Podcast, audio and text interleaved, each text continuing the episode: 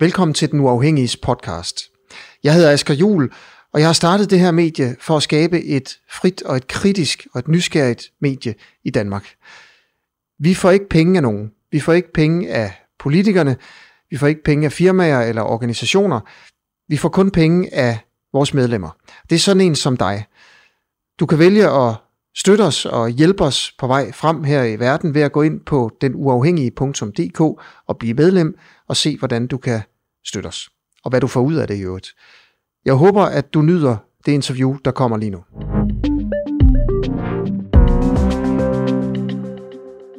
Det er onsdag den 17. februar 2021. Velkommen til endnu et interview her på Den Uafhængige.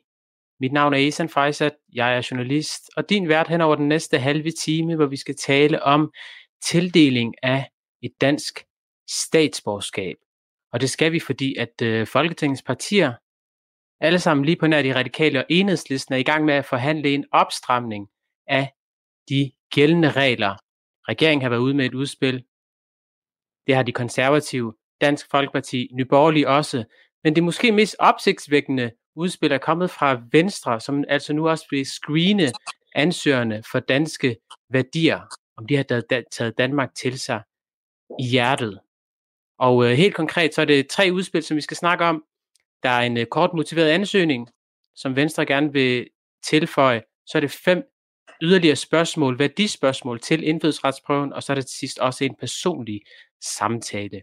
Det skal jeg have med. Morten Dalin, han er med over en videoforbindelse. Morten, velkommen til dig. Tak skal du have. Indfødsretsordfører for Venstre. Morten, der er lavet en, Venstre stemte jo for en uh, opstramning af Øh, reglerne for tildeling af et dansk statsborgerskab i 2015 og igen i 2018. Hvorfor vil I gerne lave en yderligere opstramning her i 2021? Ja, jeg tror ikke bare, vi stemte for. Jeg tror sådan set, at vi sad i ministerierne og stod i spidsen for de opstramninger, der blev lavet i 15 og i 18.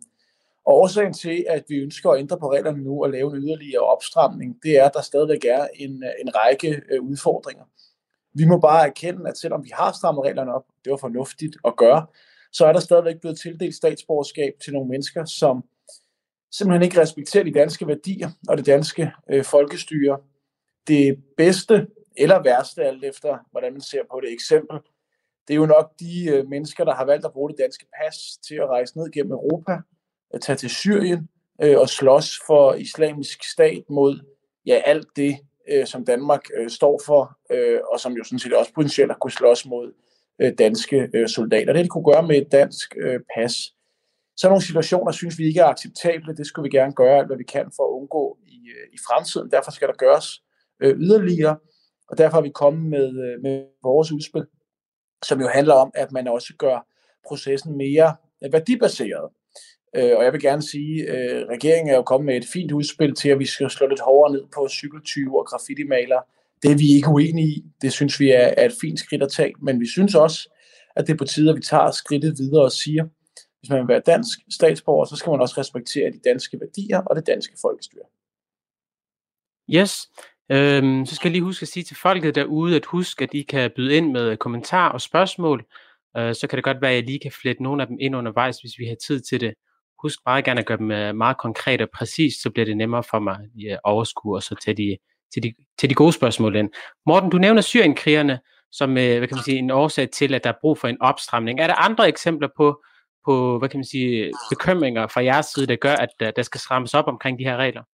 Ja, det synes jeg. Altså, syrienskrigerne er jo nok det, det værste øh, eksempel, og noget jeg jo egentlig også har en forventning om, at der er sådan en bred politisk øh, forståelse for, øh, var en dårlig øh, situation.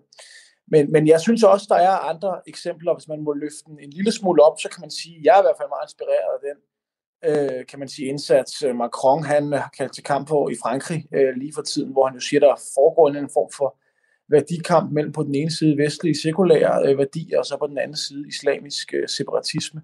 Og vi må bare anerkende, at vi har også udfordringer øh, herhjemme med store grupper i samfundet, og det er jo særligt udfordringer i visse muslimske miljøer, bare for at være ærlig, øh, som jo grundlæggende bekender sig til nogle værdier, der hører til i nogle andre samfund end, end det danske, og som er ubetinget dårligere end... At give os et eksempel. Jamen, øh, jeg tror, det er næsten, ud, næsten 4 ud af 10 danske muslimer mener, at, at dansk lov helt eller delvis skal, skal bygges på, på Koranen.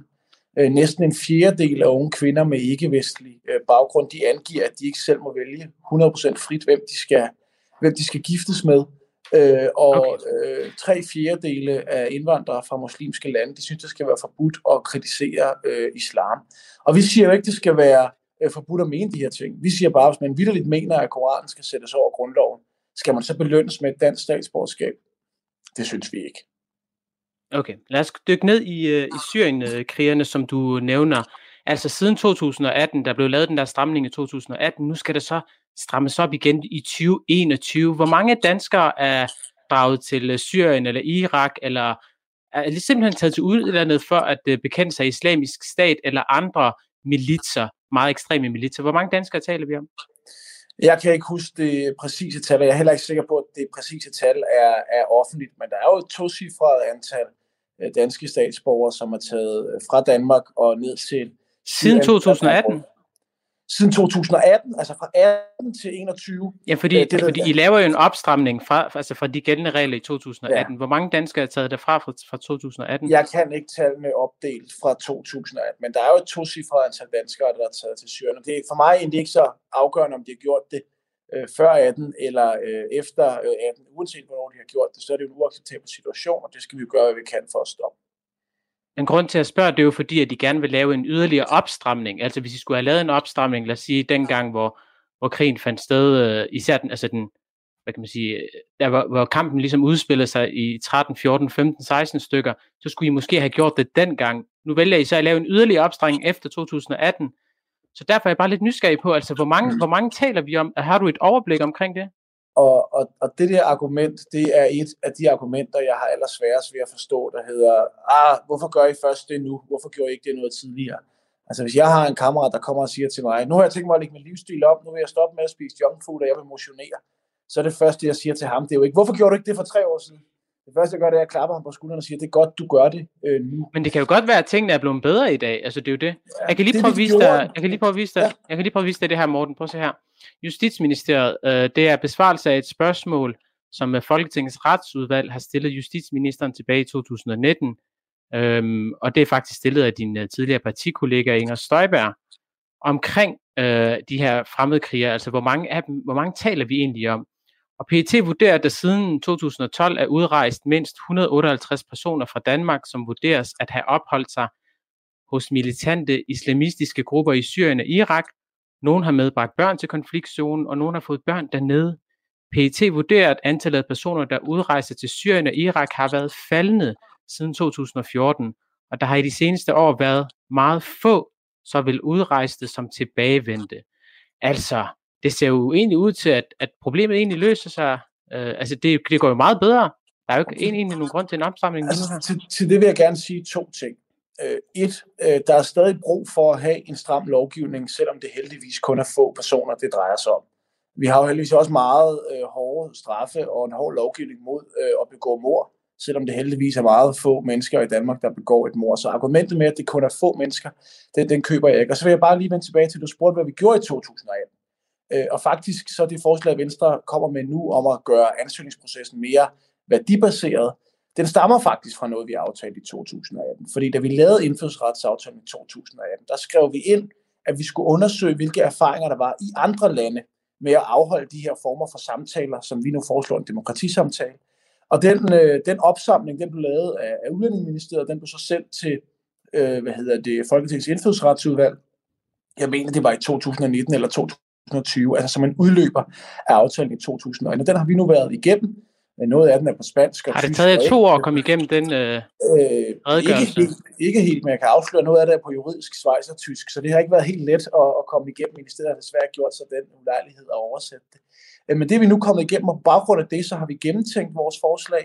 Vi har talt med nogle af de svejser og østrigere, der rent faktisk sidder og gennemfører samtalerne, for de to lande, de har nogle lignende modeller. Vi har egentlig også planlagt, at hele udvalget i Folketinget skulle rejse på, øh, på tur til Østrig for at, at se det uh, live. Morten, men jeg, kom, jeg kommer ind så, til uh, Schweiz og Østrig senere, men jeg vil, gerne lige, jeg vil gerne lige blive ved det, du sagde tidligere, så vi ikke kommer til at bevæge os videre frem. Altså 4 ud af 10 uh, vil gerne have, at Koranen på en eller anden måde også skal være lovgivning i Danmark. Øhm, altså, hvad er, hvad er det for en undersøgelse, du henviser til, og hvornår er den fra? Det er Vilke fra 2015 fra Jyllandsposten. Okay.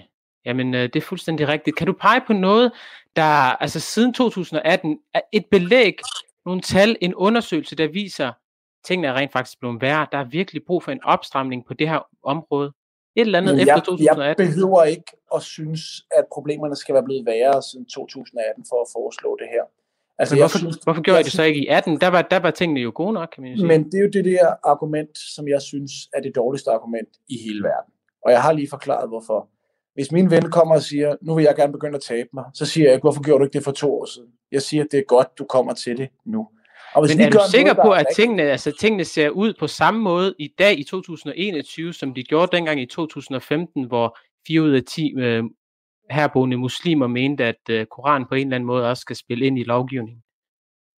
Ja, jeg kan ikke se nogen forbedringstegn på, at de tal skulle have, skulle have ændret sig afgørende. Så er jeg klar over, at du lige om lidt vil hive en eller anden undersøgelse for information frem, hvor man har spurgt på en helt anden måde, og om noget helt andet, og prøve at sammenligne de to nej, undersøgelser. Nej, nej, jeg, jeg spørger bare, er du sikker på, at tallene er ens i dag? Det kunne jo godt være, at det blev bedre. Altså, der kan jo ske mange ting på seks år. Altså, man kan jo bare kigge tilbage på, på Folketingsvalget i 2015, der havde I selv 19,5 procent af, af stemmerne. I dag er jo ifølge nogle undersøgelser tæt på en halvering, så der kan jo ske meget, Morten. Jeg, jeg tror, vi havde øh, 23 procent øh, i 2019. 2015 havde Nå, 2015, ja, så havde vi 23 øh, procent ved sidst, og nu ligger vi lavere i meningsmålingerne. Men jeg er ganske overbevist om, at tallene jo ikke har ændret sig øh, fundamentalt. Jeg synes jo også, der er andre Hvad bygger du det på? Der jamen, øh, på andre statistikker. Altså eksempelvis, at Hvad for øh, tre... Jeg, jeg, jeg er i gang. Du behøver ikke afbryde mig hver gang. Øh, tre ud af øh, fire indvandrere fra muslimske lande mener eksempelvis, at det skal være forbudt at kritisere øh, islam. Øh, jeg mener, Hvornår det er den have, undersøgelse fra? Og jeg kan ikke huske det præcise årstal, men øh, det er jeg sikker på, at en af dine læsere han kan google og, og smide op i, i kommentarfeltet lige om lidt. Men der er en række undersøgelser, der viser, at der er nogle udfordringer med, at der er store grupper i vores samfund, som ikke respekterer øh, de grundlæggende danske værdier. Hvis du har læst øh, bogen, der hedder Genopdragelsen af nogle af informationsjournalister, blandt andet Anton Geist, som jo ikke er særlig mange år siden den udkom, så siger den, at øh, hver fjerde unge kvinde med ikke-vestlig baggrund angiver, at hun ikke selv frit må vælge øh, sin, øh, sin mand. Og jeg vil bare sige, jeg tror, man skal være uendeligt lidt orienteret om, hvilke integrationsudfordringer vi står med i Danmark, hvis man ikke kan anerkende, at der i visse muslimske miljøer er problemer med at bakke op om de sådan helt grundlæggende danske værdier. Okay. Et andet eksempel... Jeg tror ikke, jeg tror ikke vi kommer nærmere, uh, hvad kan man sige, nogle undersøgelser, faktisk, nogle tal, der peger på, jo, jo, hvordan tingene ser ud efter 2018. Det, det gør vi, det gør vi, jeg vil gerne blive ved med at komme med eksemplerne. Og, og jeg tror vidderligt ikke, der findes mange derude, som øh, vil prøve at, at, at nægte, at de her problemer findes. Vi kunne se, øh, Øh, så sent som sidste år, var der historier fremme om imamer i øh, Voldsmose, altså en bydel i Odense, der lavede de her middelalderlige skilsmissekontrakter, hvor de ikke ville lade øh, muslimske kvinder skille sig fra deres mænd, fordi de grundlæggende ikke mener, at mænd og kvinder er lige, og at, kvinden er mandens ejendom på en eller anden måde. Det skete sidste år, så for mig er det jo bare endnu et bevis på, at vi har nogle kæmpe store udfordringer i visse muslimske miljøer, med at det ikke er de gængse danske værdier og normer, der ligesom haver. Det er, det er et stort problem, og det skal vi gøre noget ved, og det skal vi, fordi hvis man gerne vil have et velfungerende liberalt demokrati, så bliver man også nødt til at have et stort flertal af befolkningen, der bakker op om de liberalt-demokratiske værdier. Yes. Fordi demokrati kommer ikke af sig selv. Jeg synes, at Hal Koch er måske den, der har sagt det allerbedst, der har sagt, at hver generation må påtage sig på ny og udforme den demokratiske dannelse. Og den opgave er jo bare ekstremt svær, hvis vi bliver ved med naivt Morten, vi kigger på de her tal nu her. Det er en, øh, danske værdier. Det er nogle tal, der viser, øh, hvor mange personer, der hen over de seneste 10 år har fået tildelt et dansk øh, statsborgerskab fra 2010 og frem til 2020, og de tal er taget ud fra Danmarks Statistik, som der også står nedenunder. Og som I kan se derude, det varierer rigtig meget. I 2016 havde man omkring 15.000 mennesker, i 2018 19, knap 1800, og så her i 2020, der var der øh, omkring 7.000 personer, der fik tildelt et dansk øh, statsborgerskab. Vil I have nedbragt antallet af personer, der får et dansk statsborgerskab? Jamen for os er antallet sådan set ikke det afgørende. For os er det afgørende, hvem vi, øh, hvem vi får ind. Øh, og det kan så, være det Så det er lige meget, om I får 15.000 eller om I får to, så længe de øh, opfylder de danske værdier? Ja, hvis man, altså ja, danske værdier og de andre krav, vi stiller, at man kan tale dansk, at man ikke har begået kriminalitet, at man forsørger sig selv, øh, at man har været her i lang tid nok osv., så er det sådan set ikke antallet, vi er så bekymrede for. Altså fordi det kan godt være, at vi kun lukker en ind, Men hvis han er glødende islamist, så udgør han jo en, en kæmpe stor udfordring. Øh, så for os er antallet ikke det afgørende, og derfor er der også nogen, okay. der har været fremme og foreslået det her med, at vi sætter et loft, for eksempel. Øh, og så må man jo bare håbe, at, øh, at, at Men altså ingen, ingen begrænsning, som i overhovedet, øh, altså antallet betyder slet ikke noget for Venstre, om man hvert år får 15 nye stat, 15.000 nye statsborgere, eller om vi taler om gennemsnittet, som ligger lige nu på omkring 5.000. Altså det er fuldstændig lige meget. Nej, jeg siger ikke, det er lige meget. Jeg siger bare, jeg tror ikke, det er den vigtigste parameter. Altså jeg tror, det vigtigste parameter er at kigge på, hvem det er, vi får ind i vores, øh, vores fællesskab. Og det kan godt være, at man siger, at vi kun vil lukke 2.000 ind, som nogle andre partier øh, er inde på. Så er de 2.000 forkert. Så er vi jo lige vidt. Øh, og, og derfor vil Men er der en smertegrænse for, hvor mange man... Altså, det ved jeg ikke. Det hvad man ikke, ikke skal over? Det ved jeg ikke, om der er. Vi, har, vi synes ikke, der skal være noget loft. Vi synes, det skal stille nogle stramme kriterier. Og hvis man... Altså i virkeligheden, så tror jeg... Altså når jeg nu tænker over det, når du nu spørger, og jeg synes, det er et godt spørgsmål, du stiller, altså så tror jeg i virkeligheden, jeg vil sige, hvis man mener, der skal være et loft over tildeling af statsborgerskaber, så må det være, fordi man anerkender, at de krav, vi stiller, ikke er strenge nok. Altså fordi så siger man jo, at det er fordi, vi får nogle mennesker ind, som i virkeligheden ikke burde være der. Øh, og så vil jeg hellere mm. sige, så vil jeg hellere sørge for at stille kravene op, inden vi uddeler statsborgerskab, end at stille så dårlige krav, at vi er tvunget til at lave et loft. Det tror jeg i virkeligheden, at, at det der er mit svar på dit i øvrigt meget gode spørgsmål. Okay. Du nævnte tidligere Schweiz og Østrig, så dem vil jeg gerne lige komme ind på. Altså, hvornår indførte de, øh, de her samtaler blandt andet, som I også gerne vil indføre for at screene, om folk har danske værdier. Hvornår gjorde de lande det, og hvordan er det gået med, med, med, med, med de lande bagefter? Altså, jeg tror ikke, Schweiz og Østrig har en proces for at screene for danske værdier. Øh, jeg, jeg tænker, de øh, har det for at screene for de værdier, der er dominerende i deres land. Jeg ved ikke, hvornår de indførte. Men jeg kan sige, at de for eksempel i... Øh, ved du, hvordan det er gået med dem? Om de har fået færre eller, eller, eller flere øh, statsborgerskaber sidenhen? Nej, det ved jeg ikke. Men jeg kan afsløre, at vi har været i dialog med nogle af dem, der afholder samtalerne i Schweiz og, og Østrig. Og de siger begge til os, at de har givet afslag på baggrund af for eksempel de her øh, samtaler. Så der er jo nogen, der er blevet sorteret fra, og det er sådan set også det væsentligste for os, det er, at vi ikke lukker de mennesker, som ikke respekterer vores grundlæggende værdier og vores folkestyre ind i vores øh, samfund. Og det har de gjort både i Østrig og i, øh, i, øh, i Schweiz. Men, men, men hvad har I ellers talt med dem om? Altså, hvordan gør de de her? Hvad, hvad, har, I, har I fået nogle tips til, hvordan man kunne lave de her samtaler? Hvordan skal man... Øh, det skal du selvfølgelig Undskyld. have lov til, Morten. Undskyld. Hvordan, hvordan skal man screene folk for svejsiske eller østriske værdier? Hvordan gør de helt klart? Altså, hvad har I brugt de der seneste to år til? Jamen, det er et rigtig godt spørgsmål. Øh, og det er også et spørgsmål, vi er blevet stillet meget. Og det, det jo egentlig kredses om, det du spørger, det er, hvordan må du sikre, at folk ikke lyver? Altså, fordi hvis vi sidder og siger, synes du, at det er fint nok at være superislamist eller superkommunist, så er det jo nok de færreste, der vil sidde og sige, ja, det synes jeg bare, stik mig et dansk øh, pas. Og derfor har for eksempel Schweiz jo udgivet en, øh, de udsender en, øh, en spørgeguide til dem, der sidder og interviewer, hvor der er forskellige måder at spørge, spørge ind på. Schweiz har også muligheden for for eksempel at snakke med folks familiemedlemmer eller øh, arbejdskollegaer, eller nogle af dem, man går i, øh, i, i skole med. Så Schweiz har ligesom... Har du så sådan, tænkt på, øh, at man rent faktisk som embedsmand her i Danmark, altså skulle, skal kontakte en ansøgers øh, familiemedlem, kollega, chef, for at høre, om vedkommende har danske værdier? Jamen altså, vi tænker sådan set, at de erfaringer, man har gjort fra Schweiz og Østrig, vil være, vil være nyttige at bruge, men jeg vil sige, også nogle af de erfaringer... Også den erfaring, hvor man ringer til en chef eller en kollega for at spørge, om vedkommende har danske værdier? Ja, det synes jeg, der kunne være... Jeg tror ikke, man skal spørge lige præcis på den måde, men, men det tror jeg, der sådan set kunne være nyttigt. Og jeg vil sige, vi har faktisk også erfaringer med det i det danske system. Hvis jeg lige må bare, fordi jeg, jeg synes, det er et ret væsentligt pointe, at i det danske øh, udlændingssystem har vi faktisk også erfaringer med det her. Vi har jo nogle mennesker, der sidder og øh, hvad hedder det, laver asylbehandlinger stort set hver eneste dag i, øh, i Danmark. Og en stor del af deres opgave, det er jo at afklare, om dem, der kommer til rent faktisk har asylbehov, og om vedkommende taler sandt. Og der er vi egentlig, det er måske fordi vi er optimistisk anlagte, overbevist om, at hvis man kombinerer de erfaringer, man har fra Schweiz og Østrig, og nogle af de værktøjer, de bruger, med nogle af de værktøjer, man, man bruger i det danske asylsystem, jamen så er det faktisk muligt at, at, at lave en proces, hvor vi siger, at man skal okay. have dansk statsborgerskab, så skal man respektere de danske værdier. Og, og jeg, jeg, synes jeg vil også, gerne lige uh, blive ved, ved, det, ved det med at spørge til en ven eller en kollega eller et, et, et familiemedlem, for at høre, om, om vedkommende har taget Danmark til sig i hjertet, som I foreslår i Venstres udspil. Jamen altså, er der ikke en far for, at, at uh, altså et, Folketingets partier kan jo knap nok blive enige om, hvad danske værdier er. Det er jo den ene ting. Og er det to, er der ikke også en far for, at folk på en eller anden måde taler upræcist, eller måske lige direkte lyver, fordi de måske ikke selv mener, at der skal tildeles flere danske statsborgerskab øh, til nogen som helst. Er, er, er, er, det ikke, er det ikke en farlig vej at gå?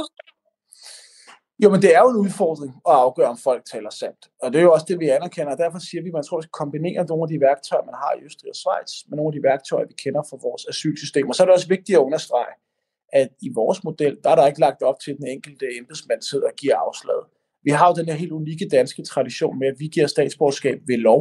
Og derfor mener vi sådan set også, at det er Folketingets indfødsretsudvalg, der i sidste ende skulle give et afslag. Det er en model, der har fungeret siden Grundtvig han var formand for, for indfødsretsudvalget, så den fungerer nok også der. Grundtvig, ham nævner jeg ikke kun, fordi han var den første formand for indfødsretsudvalget, men også fordi han sådan set sagde, synes jeg, noget ret klogt om det at tildele dansk statsborgerskab. Han sagde, tillid folk, de alle hører, som regner sig selv dertil, har for modersmålet øre, har for fædre landet ild. Og, og det synes jeg sådan set er, er nogle guidelines, vi kan bruge i dag. Altså modersmålet øger, man skal kunne tale dansk, det er okay, vi stiller nogle krav til dig, men det er også fair nok, at vi siger, at du skal have ild fra fædrelandet. Altså, du skal have taget Danmark til dig for at blive dansk statsborger. Jeg ved godt, det er mange år siden, det lige knap øh, 175 år siden, at grund, Grundtvig han skrev de ord, selvom der er meget, der er forandret siden da. Så synes vi faktisk, det er ganske fornuftigt i, i, øh, i Venstre. Så Grundtvig, ham skal vi lytte lidt mere til. Morten, det skal vi da i hvert fald. Morten, jeg, øh, vil gerne lige skrue tiden øh, en lille smule tilbage, 20 minutter til helt starten af interviewet, hvor du nævnte ja. det her med de 4 ud af 10, som, som ligesom sidestiller Koranen og grundloven på en eller anden måde. Ja, jeg tror, det, jeg tror undersøgelsen gik Hvad? på, om de synes, øh, dansk lov skulle helt eller delvist bygges på, på Koranen, tror jeg, det spørgsmål, de fik stillet. Ikke? Men, lige, men lige sådan et spørgsmål, hvis vi, hvis vi skal gå ned til det helt konkrete. Altså, er der ikke nogen gange, øh, er det ikke nogen gange et spørgsmål om, at man, altså, hvor det er et spørgsmål om både og, i stedet for enten eller. Det er ligesom, hvis jeg skulle spørge dig, Morten, øh, hvad vil du helst vælge? Øh, de konventionerne, som du gerne vil overholde, eller vil du helst lytte til danskerne? Hvad vil du helst af de to ting? Om jeg vil lytte til konventionerne eller til danskerne? Ja, om du vil overholde øh, de konventioner, som Danmark har forpligtet sig til, eller vil du gerne lytte til det, som danskerne gerne vil? Hvad vil du helst af de to ting? Jeg synes ikke, de to ting er uforenelige. Danskerne har Hvad vil du så helst gerne i de to ting? Jamen, de to ting er det samme, fordi vi overholder jo kun konventionerne, fordi danskerne har valgt nogle politikere til vores repræsentative demokrati, som ønsker der er også nogle, der, også nogle af Venstres kernevælgere, som mener, at, øh, at vi skal bryde ud af konventionerne, at, at de ligesom begrænser øh, Danmark, i hvert fald i forhold til noget som for eksempel statsborgerskab. Så hvad, hvad vil du vælge af de to? Eller man kunne også godt spørge, øh, altså noget helt andet, noget lignende det. Hvad, men hvis vi, vi skal forholde os ved det eksempel, Morten, hvad vælger du så? Konventionerne eller danskerne? Hvem vil du lytte til mest? Men det er en falsk modsætning. Altså, vi har jo et repræsentativt demokrati i Danmark. Det er jo et anderledes, end man for eksempel har i Schweiz, hvor du har et meget direkte demokrati og har folkeafstemninger og en masse. Det forstår jeg godt, men hvad for en vælger du, Morten? Ja, men, men, men, eller lytte til danskerne? Men det er en falsk modsætning. Og det er det, jeg prøver at, at, at forklare. Nu har vi jo lidt god tid i det her format, så, så, så jeg tror godt, vi kan få den hele forklaring med. Vi har et repræsentativt demokrati i Danmark, hvor der er et flertal af Folketing, der har valgt at tilslutte sig nogle internationale øh, aftaler. Øh, det er jo fordi, at danskerne har stemt på de politikere, øh, de har. Så de to ting, de, de er sådan set ikke u- uforenelige. At vi så har en proces, der hedder, at vi nogle gange synes, de internationale konventioner beskytter de forkerte, og vi dybest set burde ændre dem. Jamen det tror jeg sådan set, at øh, vi er mange, der synes, også mange, der sidder i Folketinget, og mange, der arbejder for. Regeringen har også sagt noget af det de har så ikke gjort så meget ved det, og det er jo så op til vores opgave som opposition at prøve at skubbe lidt på, at det ikke bare bliver ved de tomme ord, men der også kommer noget handling. Morten, hvad med en løgndetektor? Altså til den der personlige samtale. Vi kan jo ikke sikre os, at folk ikke lyver. Så hvad med, hvad med en løgndetektor, der ligesom er et øh, ekstra værktøj til at sikre sig, at folk ikke bare lyver for passet, og så gør det modsatte af, hvad de har sagt? Det synes jeg er en dårlig idé. Hvorfor? Ja, fordi jeg synes, vi skal have løgndetektorer på folk. Det har vi jo heller ikke i vores asylsystem. Det er heller ikke noget, vi bruger i de lande, øh, som vi har lavet os øh, inspirere af. Og vi er sådan set overbeviste om, at hvis man kan finde en model, der virker i Østrig og Schweiz, og vi kan finde en model, der virker i vores asylsystem, så kan vi også godt gøre det i vores indfødsretssystem. Og det kan godt være, at vi bare er optimistisk anlagt. Øh, men det tror vi sådan set godt, vi kan, for vi tror sådan set på, at kreativitet... Men, men hvordan vil du ellers sikre det? Altså, du peger på asylsystemet, men, men du siger ikke ret meget. Hvordan vil du ellers sikre dig, at folk ikke rent faktisk lyver og siger, ja, ja, selvfølgelig er grundloven hævet over Koranen, og så selvfølgelig øh, må min datter gerne have en, få, så få sig en kæreste, men så rent faktisk gå hen og gøre det modsatte? Jo, det synes jeg sådan set, jeg prøver at svare på, men jeg, jeg gentager det meget øh, øh, gerne. Altså i asylsystemet i dag, der bliver jo brugt nogle spørgeteknikker og nogle værktøjer til at afgøre, om folk øh, de lyver og, om de... Den er jeg fuldstændig med på, men ud over asylsystemet, Morten. Ja, men de værktøjer, vi har der, dem synes vi, vi skal bruge. Så nævner jeg, at i Østrig og Schweiz, der har de øh, også nogle øh, spørgeguides, nogle spørgeteknikker, de spørger ind til folk på for at afgøre, om folk de taler sandt, er der uregelmæssighed i deres historie eller så videre. Og de har muligheden for øh, eksempelvis at, at spørge folk øh, i deres omgangskreds, øh, ind til nogle bestemte ting. Og vi tror sådan set, at hvis man kombinerer de værktøjer, jamen, så kan man få et, et retvisende øh, billede. Det, det vi overbevist okay. når man kan i Østrig og Schweiz. Asylsystemet og spørge personer i omgangskreds og håbe på, at man ikke har noget indstående med dem i hvert fald. Og så til sidst ja, men kombinationen også de den personlige samtale. Kombinationen okay. af værktøjer, man kender i Schweiz og Østrig, med det vi kender fra det danske asylsystem, det tror vi er en god model. Morten, jeg vil gerne lige spørge ind til uh, de her, altså en kort motiveret ansøgning, det siger ligesom sig selv. Hvorfor vil du gerne blive dansk statsborger? Så det behøver vi ikke at diskutere så meget. Den personlige samtale er vi også kommet lidt omkring, men, men de fem værdispørgsmål, som I vil tilføje indfødsretsprøven, den kunne jeg godt tænke mig at komme lidt nærmere øh, omkring. Altså, jeg kunne godt tænke mig at stille dig nogle spørgsmål, og så altså, få at vide, hvad, er, er det en dansk værdi? Kan man blive dansk statsborger, øh, hvis man har den her holdning? Så den første ja, skal, er... Morten, lige opklare en ting først øh, fordi at det vi jo foreslår i forhold til indfødsretsprøven, og der hvor der er en afgørende forskel på selve prøven og på samtalen, det er jo, prøven er noget, hvor du skal illustrere kendskab til det danske samfund. Øh, prøven er jo i dag består af 40 spørgsmål, hvor du skal have 32 af dem rigtige for at øh, bestå. 35 af de spørgsmål, øh, der er svarene udleveret et lille hæfte, du kan læse op på i forvejen, og så er der fem spørgsmål, hvor man forventer, at man følger lidt med i dagligdagen for at kunne svare. Og det er jo det er jo faktuelle spørgsmål, som, øh, du ved, øh, hvornår fik den første Olsenbanden øh, debut, øh, og hvad hedder lederen af det radikale venstre i Folketinget, og, og så videre, og så videre, og så videre. Det vi foreslår derudover, det er at man illustrerer kendskab til nogle af de værdier, som, øh, som præger det danske øh, samfund. Og jeg vil gerne sige, det er vigtigt, og det øh, har vi også sagt i forbindelse med vores udspil, at vi er meget præcise i udformningen af vores spørgsmål, øh, det her. Fordi det skal jo ikke være... Okay, det er også Morten. Det er også Morten lad, lad, lad os prøve at høre. Kan man være dansk statsborger, og så synes, at det er forkert med sex uden for ægteskabet? Og man kan, altså, jamen det her handler ikke om folks private seksuelle. Altså ja nej, altså det er, jo, det, det, er jo, det er jo danske værdier. Kan man det? Nej, men, men, men nu, nu, nu er vi ude i et eller andet tabloid format, hvor vi prøver at gøre noget, som jeg egentlig er overbevist om, at langt de fleste danskere slet ikke er i tvivl om til et spørgsmål. Og det er fint nok. Altså, man du nævnte jo et andet eksempel, Morten. Det var, at man kunne ikke være dansk statsborger, hvis man ikke tillader sin datter at, at få en kæreste. Så spørger jeg, kan man være dansk statsborger og synes, at det er for med sex uden for ægteskabet? Men, men jeg vil gerne, det er vel ikke særlig gerne, meget anderledes end det? Jo, det er det, og du bliver også nødt til at omformulere dit spørgsmål, hvis det skal give mening. For du spørger, om man kan okay, være dansk så, prøv, så prøver jeg på et nyt, Morten. Jeg prøver, jeg prøver på et nyt. Esam, hør lige efter. Kan, kan, man, kan man være dansk statsborger? Hallo, hallo, hallo, hallo. Du spørger, om man kan være dansk statsborger. Okay. Vores udspil handler ikke om, at man kan være dansk statsborger. Vores udspil handler om, om man kan blive dansk statsborger. Og der er kæmpe stor forskel, og det er jo det, som okay. jeg Men, men, men så spørger jeg det på den måde, Morten. Det skal ikke, det skal ikke komme an på det. Nej, kan man blive forskel. dansk statsborger og være imod retten til fri abort? Jamen, prøv at høre. Esam, vi kan sagtens sidde her og quizze mig øh, rundt i øh, det ene og det andet øh, spørgsmål. Jeg prøver bare at blive klog på de danske værdier, Morten, ja, fordi ja, der er jo mange, ja. der er i tvivl om det. Nej, altså, det men, tror man er ikke, man er ikke, men, men, men kan du så svare på det? Altså, kan man blive dansk statsborger, hvis man er imod retten til fri abort? Jeg vil meget gerne svare dig, hvis du vil øh, give mig lov til at tale ud. Men det er jo bare et ja eller nej spørgsmål. Altså. Nej, det er det nemlig ikke, altså.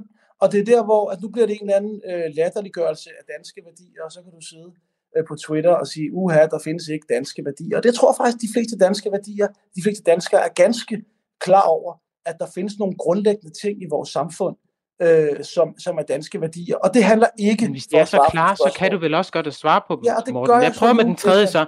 Kan man blive dansk altså, statsborger altså, og så være Essan, kommunist eller nazist? Essan, kan man hvis, det? Essan, jeg vil meget gerne svare på alle dine tre spørgsmål. Ikke også? Og jeg Men tror, vil du så ikke bare svare ja eller nej? Kan man nej, blive dansk statsborger og samtidig være det, kommunist det, eller det, nazist? Det, det vil jeg faktisk ikke, men jeg vil gerne starte forfra. Lad os tage nazist eller kommunist spørgsmål. Jeg tror, det vil være meget, meget svært for en aktiv kommunist eller en aktiv nazist at bestå, øh, kan man sige, statsborgerskabsprocessen, som vi ligger op til. Det tror jeg ikke, man vil kunne. Man kan godt blive dansk statsborger, hvis man ikke synes, der skal være fri abort, og man kan også godt blive dansk statsborger, uanset hvilken holdning man har til sex uden for ægteskab. Så jeg svaret på dine spørgsmål, men jeg synes bare, også for okay. din seers skyld, at vi skal have den... Kan man, kan man blive større... dansk statsborger og samtidig være for omskæring af drengebørn? Ja, det kan man godt. Og jeg, jeg synes, det er vigtigt, at vi har det store øh, billede med her i, hvorfor det er, vi gør det her. Og når vi gerne vil have, at man tilkender sig de danske værdier, så er det fordi, jamen det er vigtigt det her, Esan, og jeg tror også, at dine seere vil synes, det er Jeg vigtigt, lytter at vores grundlæggende analyse er, at man kan ikke have et velfungerende liberalt demokrati, hvis ikke man har et stort flertal i befolkningen. Har du et eksempel på det? Liberalt, dem- ja, det har jeg faktisk. Frankrig. Hvorhen? I Frankrig, der kan vi Hvad se... ellers? At, undskyld, Frankrig og hvor mere? Hvorfor skal jeg komme med flere eksempler? Hvorfor har Frankrig... Jeg spørger bare, om du har andre eksempler. Ja, Sverige. Okay. Lad os prøve at tage udgangspunkt Øh. i både Frankrig og Sverige, Morten. Prøv lige at kigge her. Her er en artikel fra Kristelig Dagblad i 2020. En opgørelse, som The Economist Intelligence har lavet. De lande i verden med mest eller mindst demokrati. Og øh, hvis vi lige øh, går et lille skole frem, så kan vi faktisk se, at det Sverige er det tredje mest demokratiske land i verden, altså som ligger over Danmark på syvende pladsen. Og hvis du kigger på det her billede, Morten, så kan du se, lande med de grønne farver har fuldt demokrati. Frankrig har også fuldt demokrati og ligger faktisk på linje med nogle af de andre lande, du nævnte tidligere her, blandt Østrig. Så Morten, altså, hvad bygger du egentlig på, at, at demokratiet Okay. på en eller anden måde okay. er truet i Frankrig eller, eller Sverige? Altså, det bygger jeg jo for eksempel på, at deres egen præsident siger det. Altså, præsident Macron, der vil være superglobalisten over alle superglobalister, han har fundet det nødvendigt at kalde til kamp mod islamsk separatisme. Øh, der er lige blevet vedtaget en ny lov i Frankrig med bred, bred opbakning fra parlamentsmedlemmerne, der netop skal bekæmpe islamisk separatisme, fordi de anerkender, at der er lommer i det franske samfund, som abonnerer på nogle helt andre værdier end de Men klassiske de har stadigvæk totalt demokrati. Du får det lidt til at lyde som noget andet. Og hvad med Sverige? Nej, de er jo mere gør- demokratiske end Danmark. altså et som øh, kildekritik.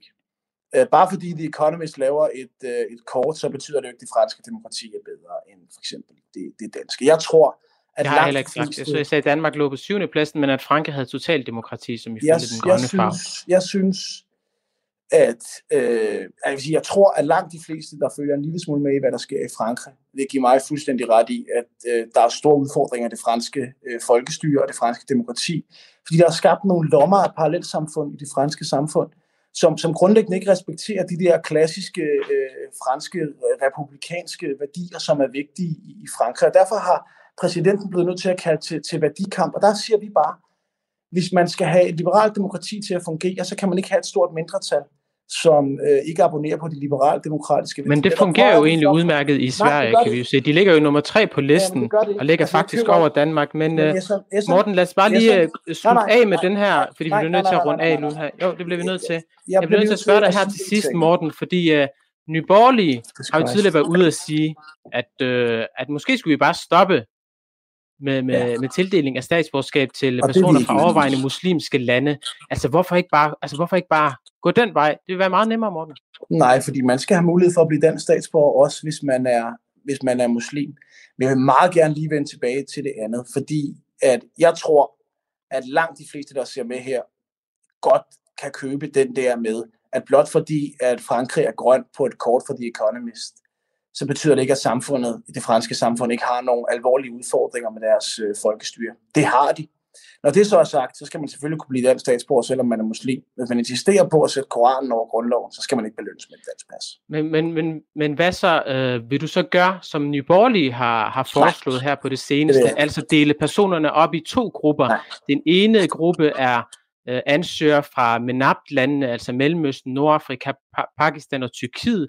Og så har vi en anden gruppe, som ikke er fra de lande, som man nemmere kan stemme henholdsvis ja eller nej til. Hvorfor ikke gå den vej, Morten? Så hvis du vil sørge for oprigtigt at bekæmpe, og meget effektivt bekæmpe islamisme og ekstremisme her i Danmark. Fordi vi synes, det er et dårligt forslag. Altså, vi synes, vores eget forslag er, er bedre. Og derfor Men hvorfor er det dårligt? Det er jo, det er jo meget mere Ja, effektivt, fordi, kan man sige. For, nej, fordi vi synes ikke, at det er gavnligt at sige, at ingen muslimer kan blive danske statsborger. Altså, det synes vi ikke. Vi synes, der skal være mulighed for at blive dansk statsborger, hvis man er muslim, hvis man respekterer de danske værdier. Vores forslag går ikke ud på at adskille en religion fra, fra en anden. Når det så er sagt, så er det jo der, de største udfordringer er. Det kan vi se i Danmark. Det kan vi på trods af dit kort for The Economist også se i Sverige og, og i Frankrig. Så bare fordi vi ikke ønsker at udløbe alle muslimer fra at blive statsborger, så skal vi også være ærlige om, hvor problemerne er. Men kan du selv pege på en uh, undersøgelse, en professor, en ekspert, som peger på, at, uh, at demokratiet i Sverige er, er, er, er truet lige i øjeblikket? Om jeg kan pege på en ekspert, der siger, at demokratiet... Ja, kan, kan du navne en ekspert, Morten? Nej, det kan jeg ikke. Men jeg, kan navne på en undersøgelse? Jeg går heller ikke ind for hverken øh, ekspertvælde øh, eller, eller sådan forskervælde. Jeg går ind du går for ikke ind for undersøgelser eller forskere? Eller jo, noget? men jeg behøver ikke jeg behøver ikke sidde og name droppe en eller anden undersøgelse for dig, for at mene, at der er udfordringer i det franske og det svenske samfund med integrationen og parallelle samfund. Det er faktisk overbevist det bygger, du, det bygger du så bare på din Men vil du hvad, oplevelse vil du mavefornemmelse?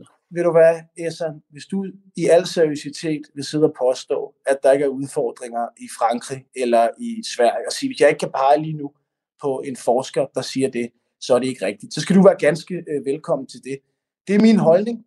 Jeg ved, den deles af mange franskmænd, herunder den franske præsident, der selv har kaldt til kamp mod det, han kalder islamisk separatisme. Øh, så det, det er min holdning. Du skal være hjertelig velkommen til at være... Men det betyder jo ikke nødvendigvis, at de ikke har fuldt demokrati, men det er så en anden samtale, Morten. Lad os slutte af med nogle kommentarer eller, eller spørgsmål her fra vores øh, dejlige seere men, men, lytter derude. har jeg sagt, at de ikke har fuldt demokrati? Øhm, Jamen, du siger i hvert fald, at demokratiet er truet, og der kan man se ifølge ja, den undersøgelse fra The Economist, at de har totalt demokrati. Men det er ikke det samme. Og den er altså fra 2020, den er ikke, det er ikke en, jeg, jeg henviser ikke til nogen undersøgelse fra 2015. I vil lave en opstramning efter 2018. Derfor spørger jeg ind til undersøgelser, viden, forskere, eksperter, der peger på, at der er noget galt, og at, øh, at, øh, at der skal gøres noget ved det her. Men, men det men bliver lidt svært at komme ind på, så nu prøver jeg lige bare, Morten, jeg prøver lige med nogle spørgsmål her til sidst, fordi at, øh, ellers så kører vi lidt for lang tid. Lad os prøve at se her. Ikke, der er problemer i det franske demokrati? Jeg er bare her for at stille nogle fremragende spørgsmål til dig, Morten, så jeg kan ja, blive klogere. Og øh, så vidt jeg kunne se, så blev jeg faktisk klogere, fordi du sagde, at man kan godt blive dansk statsborger, så vidt jeg kan forstå, du må rette mig, hvis jeg tager fejl, Morten, selvom man synes, det er forkert med sex uden for ægteskabet. Man kan også godt blive dansk statsborger, hvis man er imod retten til fri abort. Det kan man også godt, hvis man er for omskæring af drengebørn. Der, hvor det begynder at blive svært, det er, hvis man er kommunist eller nazist. Øh, så jeg, jeg er faktisk blevet en lille smule øh, klogere på, hvad de danske værdier er. Øh, hvad, hvem i forhold til at tegne Mohammed? Må man, kan man blive dansk statsborger, og så samtidig synes, at det er forkert at tegne øh, muslimernes profet Mohammed? Ikke at det skal være ulovligt, men at det bare er forkert. Ja, det vil jeg mene, man godt kunne. Men hvis man for eksempel går ind for at sige, at man ikke skal øh, have lov til at kritisere islam, altså, så, så, så, vi, så begynder vi at på kanten, for det at have ytringsfrihed, det er en grundlæggende øh, dansk, øh, det er en dansk værdi. Og jeg synes måske en væsentlig ting, der også er værd at slå fast her, det er jo, at det ikke er for dansk statsborgerskab. Det gør jo ikke, at man kommer i fængsel eller bliver smidt ud. Det gør bare, at man ikke bliver belønnet med et dansk statsborgerskab. Og det danske statsborgerskab, det er ikke en rettighed. Det er noget, man skal have gjort sig øh, fortjent til. Og derfor er det fair nok, at vi stiller nogle krav, og der er også nogle strenge krav for at blive dansk øh, statsborger. Morten, øh, jeg ved ikke lige, hvad det er for et spørgsmål, øh, som jeg skal byde ind med, fordi at øh, mange af dem er i stedet for bare rettet som kommentar, eller bare rettet mod mig, så tak til jer derude for, for kommentarerne. Jeg kan ikke lige finde frem til et helt konkret spørgsmål, så, så det så vil jeg måske i stedet for at sige, at bare send det til Morten derude. Han, øh, han, han er på Facebook, på Twitter, han skal nok svare på det, øh, eller på anden vis. Men Morten, tusind tak, fordi at øh, du stiller op til interviewet, og øh, have en dejlig dag. I lige måde, god arbejdsløst. Tak for det.